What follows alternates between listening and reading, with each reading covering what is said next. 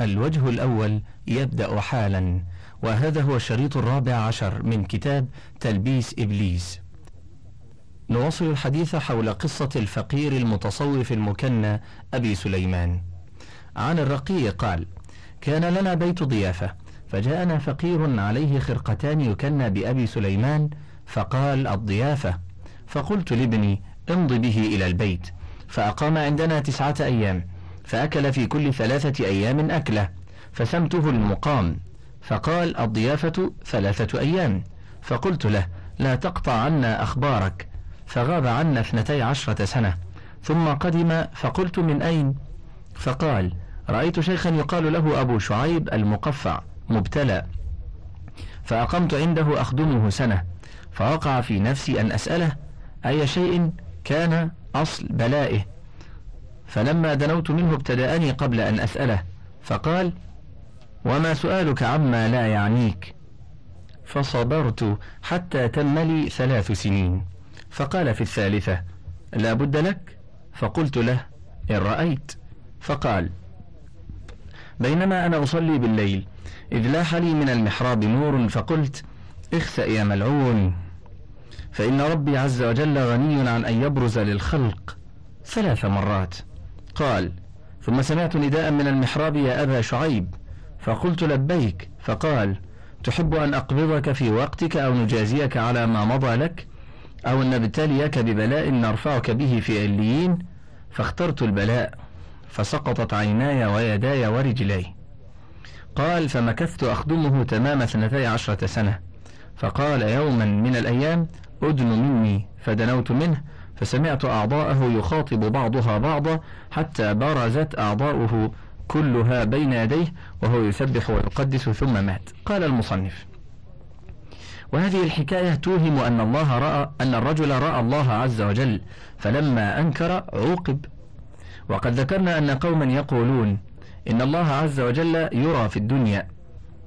وقد حكى أبو القاسم عبد الله بن أحمد البلخي في كتاب المقالات. حاشية الكعبي المتكلم نسبة إلى بني كعب أحد مشايخ المعتزلة وتنسب إليه الطائفة الكعبية منهم.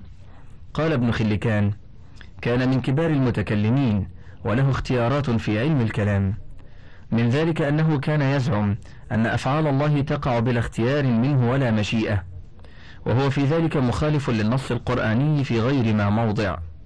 قال تعالى وربك يخلق ما يشاء ويختار.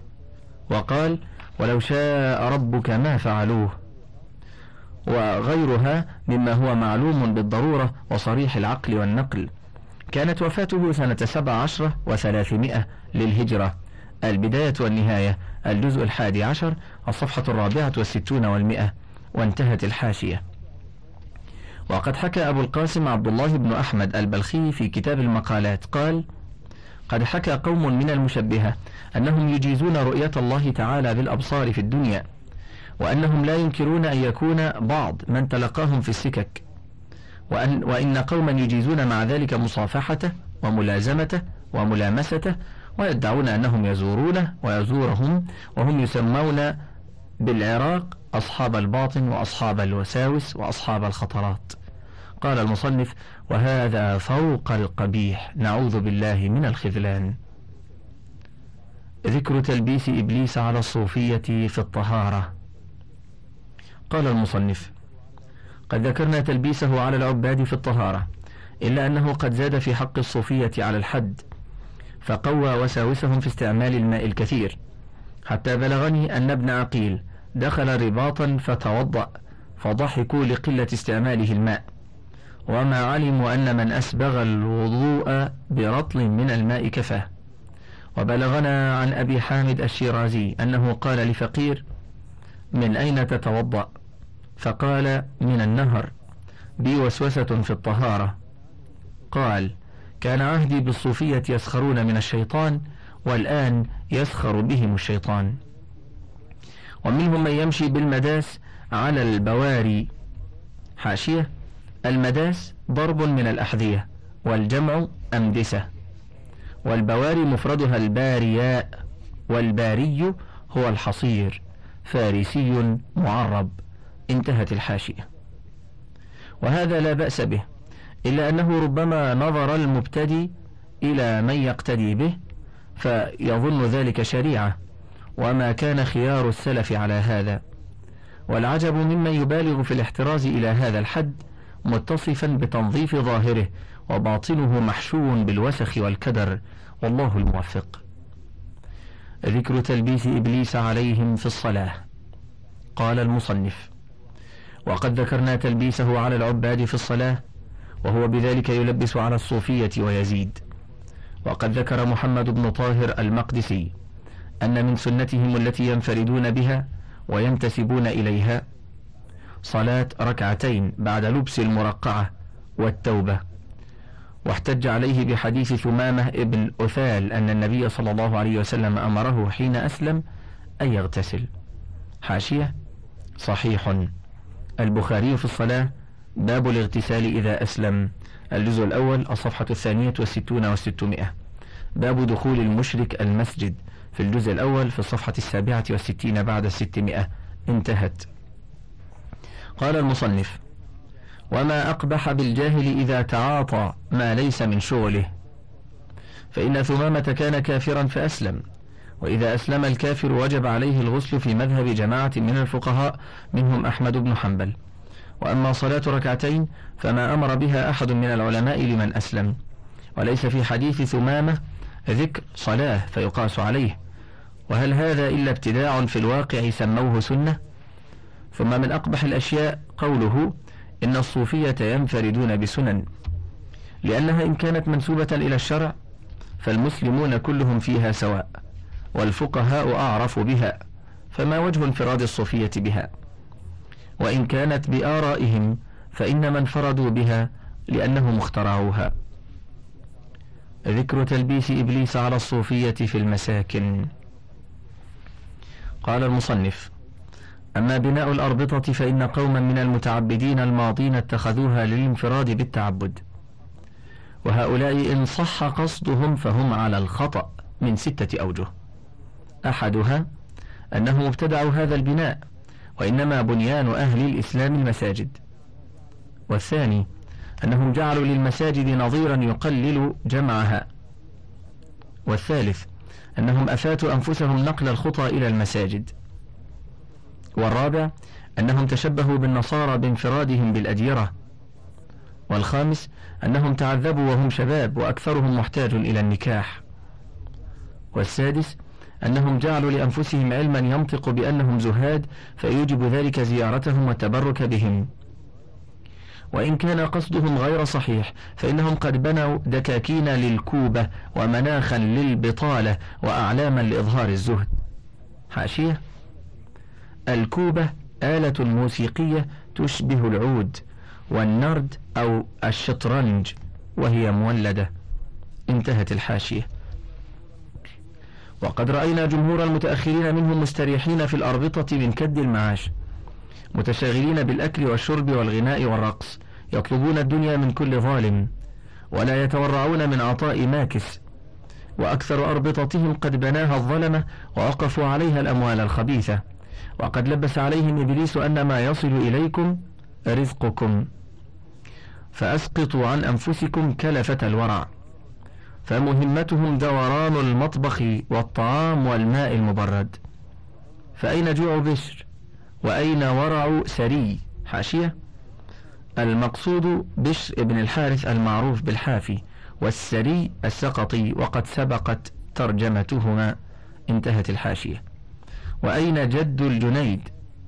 وهؤلاء أكثر زمانهم ينقضي في التفكه بالحديث أو زيارة أبناء الدنيا.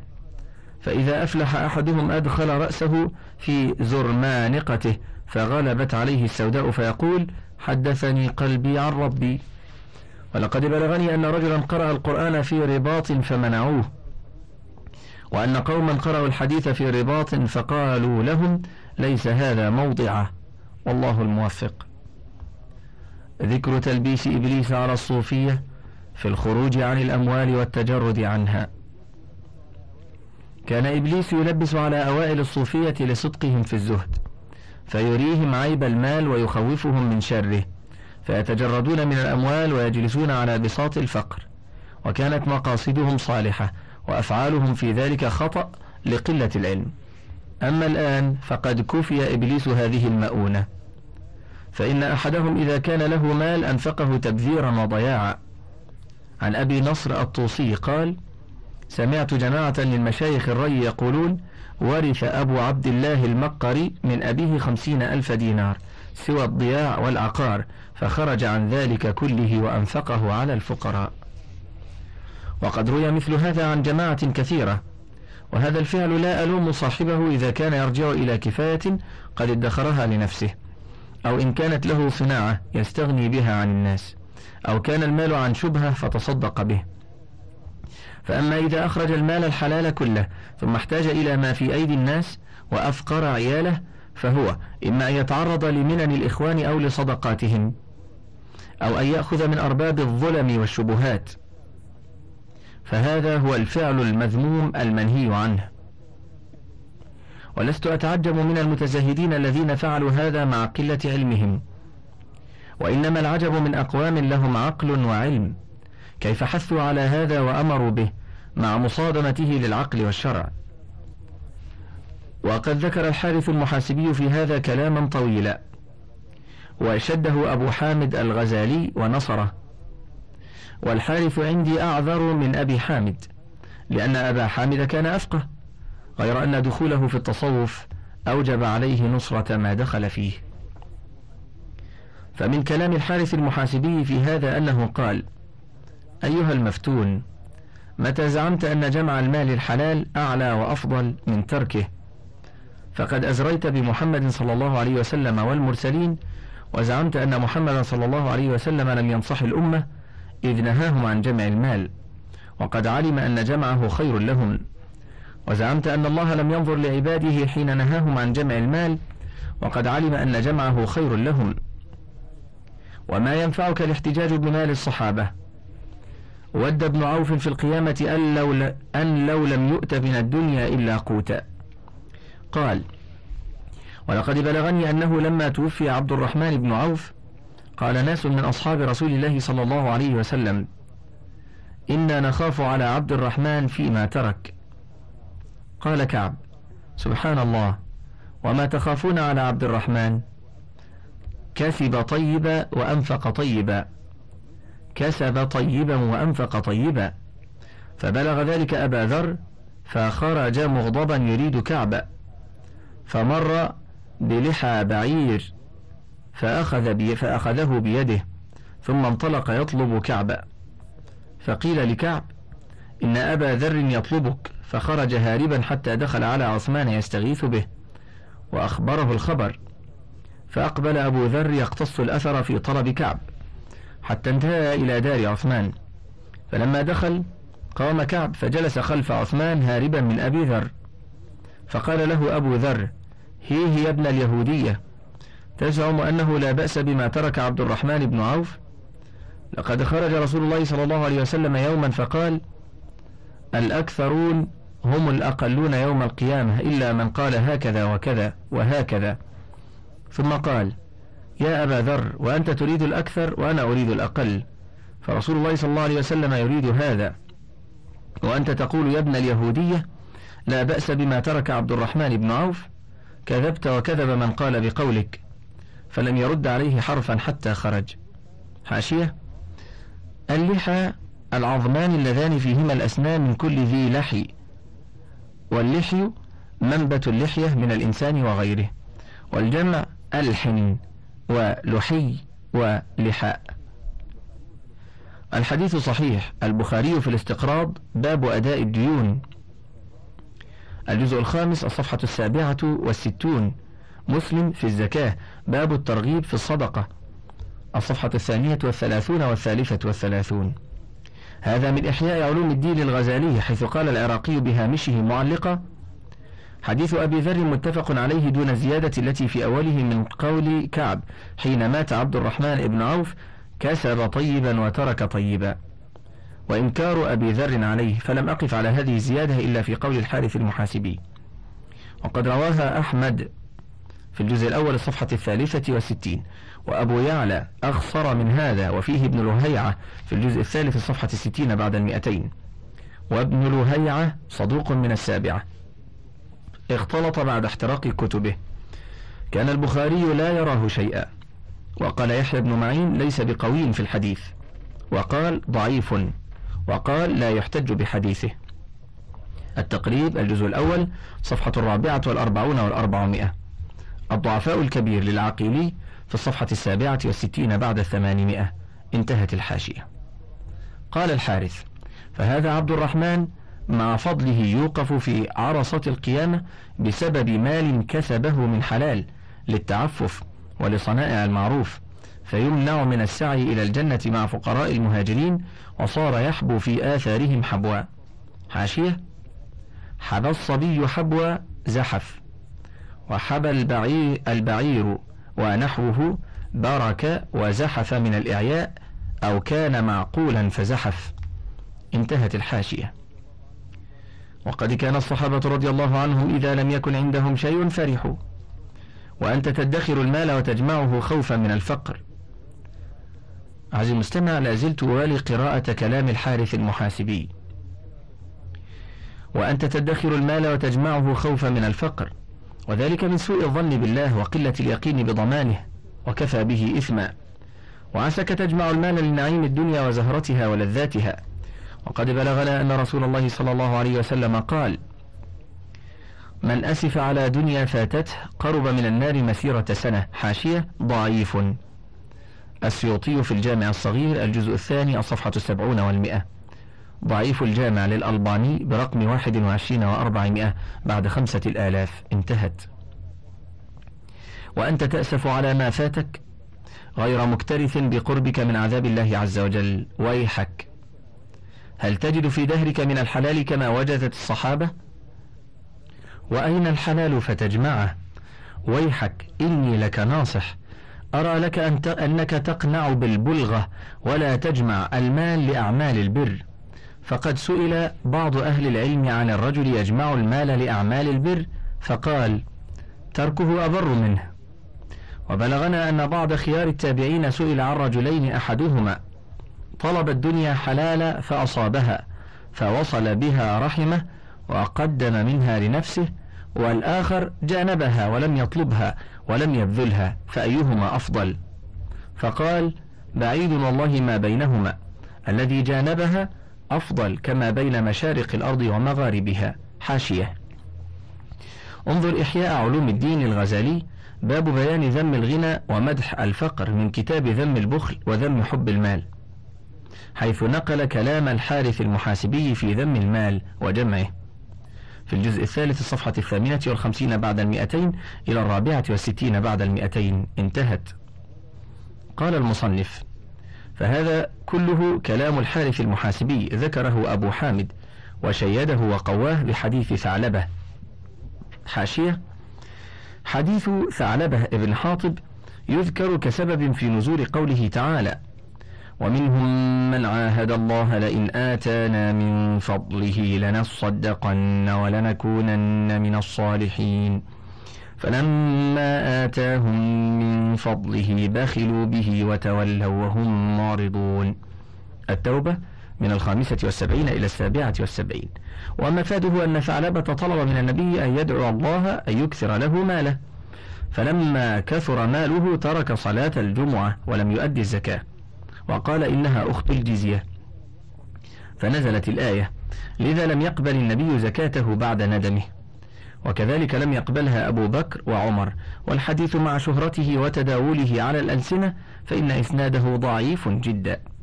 فيه كما قال الهيثمي في مجمع الزوائد علي بن يزيد الألهاني وهو متروك.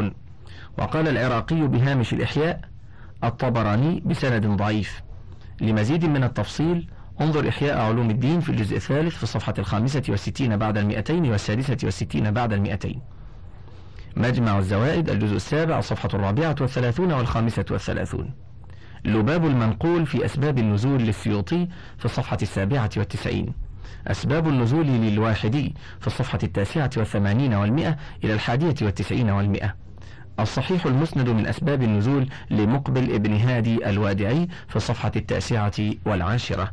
وانتهت الحاشية. قال المصنف فهذا كله كلام الحارث المحاسبي. ذكره أبو حامد وشيده وقواه بحديث ثعلبة. فإنه أعطي المال فمنع الزكاة. قال أبو حامد فمن راقب أحوال الأنبياء والأولياء وأقوالهم لم يشك في أن فقد المال أفضل من وجوده وإن صرف إلى الخيرات. إذ أقل ما فيه اشتغالهم بإصلاحه عن ذكر الله عز وجل. فينبغي للمريد أن يخرج من ماله حتى لا يبقى له إلا قدر ضرورته. فما بقي له درهم يلتفت إليه قلبه فهو محجوب عن الله عز وجل. قال المصنف وهذا كله بخلاف الشرع والعقل وسوء فهم للمراد بالمال. فصل في رد هذا الكلام. أما شرف المال فإن الله عز وجل عظم قدره وأمر بحفظه إذ جعله قواما للآدمي الشريف فهو شريف. فقال تعالى ولا تؤتوا السفهاء أموالكم التي جعل الله لكم قياما. النساء الخامسة. ونهى عز وجل أن يسلم المال إلى غير رشيد فقال فإن آنستم منهم رشدا فادفعوا إليهم أموالهم. النساء السادسة. وقد صح عن رسول الله صلى الله عليه وسلم أنه نهى عن إضاعة المال. حاشية صحيح. البخاري في الزكاة باب لا صدقة إلا عن ظهر غنى. الجزء الثالث الصفحة الخامسة والأربعون بعد الثلاثمائة. وفي مواضع أخرى. ومسلم في الأقضية. باب النهي عن كثرة المسائل من غير حاجة. صفحة الرابعة عشرة. وانتهت. وقال لسعد لأن تترك ورثتك أغنياء خير لك من أن تتركهم عالة يتكففون الناس. حاشية. صحيح. البخاري في الجنائز. باب رثاء النبي سعد بن خولة الجزء الثالث الصفحة السادسة والتسعون والمئة. ومسلم في الوصية باب الوصية بالثلث من الصفحة الخامسة إلى العاشرة وانتهت الحاشية. وقال ما نفعني مال كمال أبي بكر. حاشية صحيح ابن ماجه في المقدمة. باب في فضائل أصحاب رسول الله صلى الله عليه وسلم الصفحة الرابعة والتسعون. أحمد في المسند الجزء الثاني الصفحة الثالثة والخمسون والمئتان وصفحة السادسة والستون بعد الثلاثمائة صحيح الجامع للألباني برقم ثمانية وثمانمائة بعد خمسة الآلاف وانتهت الحاشية. وعن عمرو بن العاص قال بعث إلي رسول الله صلى الله عليه وسلم فقال خذ عليك ثيابك وسلاحك ثم أتني. فأتيته فقال إني أريد أن أبعثك على جيش فيسلمك الله ويغنمك وأرغب لك من المال رغبة صالحة. فقلت يا رسول الله ما أسلمت من أجل المال ولكني أسلمت رغبة في الإسلام. فقال يا عمرو نعم المال الصالح للرجل الصالح. حاشية صحيح أحمد في المسند الجزء الرابع الصفحة السابعة والتسعون والمئة. والتبريزي في المشكاة برقم ستة وخمسين وسبعمائة بعد ثلاثة الآلاف وانتهت الحاشية. والحديث بإسناد عن أنس بن مالك أن رسول الله صلى الله عليه وسلم دعا له بكل خير. وكان في آخر دعائه أن قال اللهم أكثر ماله وولده وبارك له. حاشية. صحيح. البخاري في الدعوات. باب دعوة النبي لخادمه وباب الدعاء بكثرة المال وباب الدعاء بكثرة الولد. الجزء الحادي عشر صفحة التاسعة والأربعون والمئة والسادسة والثمانون والمئة. مسلم في فضائل الصحابة. باب من فضائل أنس بن مالك. الصفحة الحادية والأربعون والمئة إلى الرابعة والأربعين والمئة. وانتهت الحاشية. وعن عبيد بن كعب بن مالك قال سمعت كعب بن مالك يحدث حديث توبته. قال فقلت يا رسول الله إن من توبتي أن أنخلع من مالي صدقة إلى الله عز وجل وإلى رسوله صلى الله عليه وسلم. فقال أمسك بعض مالك فهو خير لك. حاشية.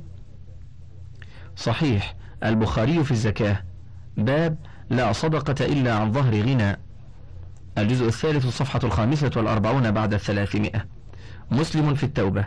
باب حديث توبة كعب بن مالك وصاحبيه برقم ثلاثة وخمسين. انتهت.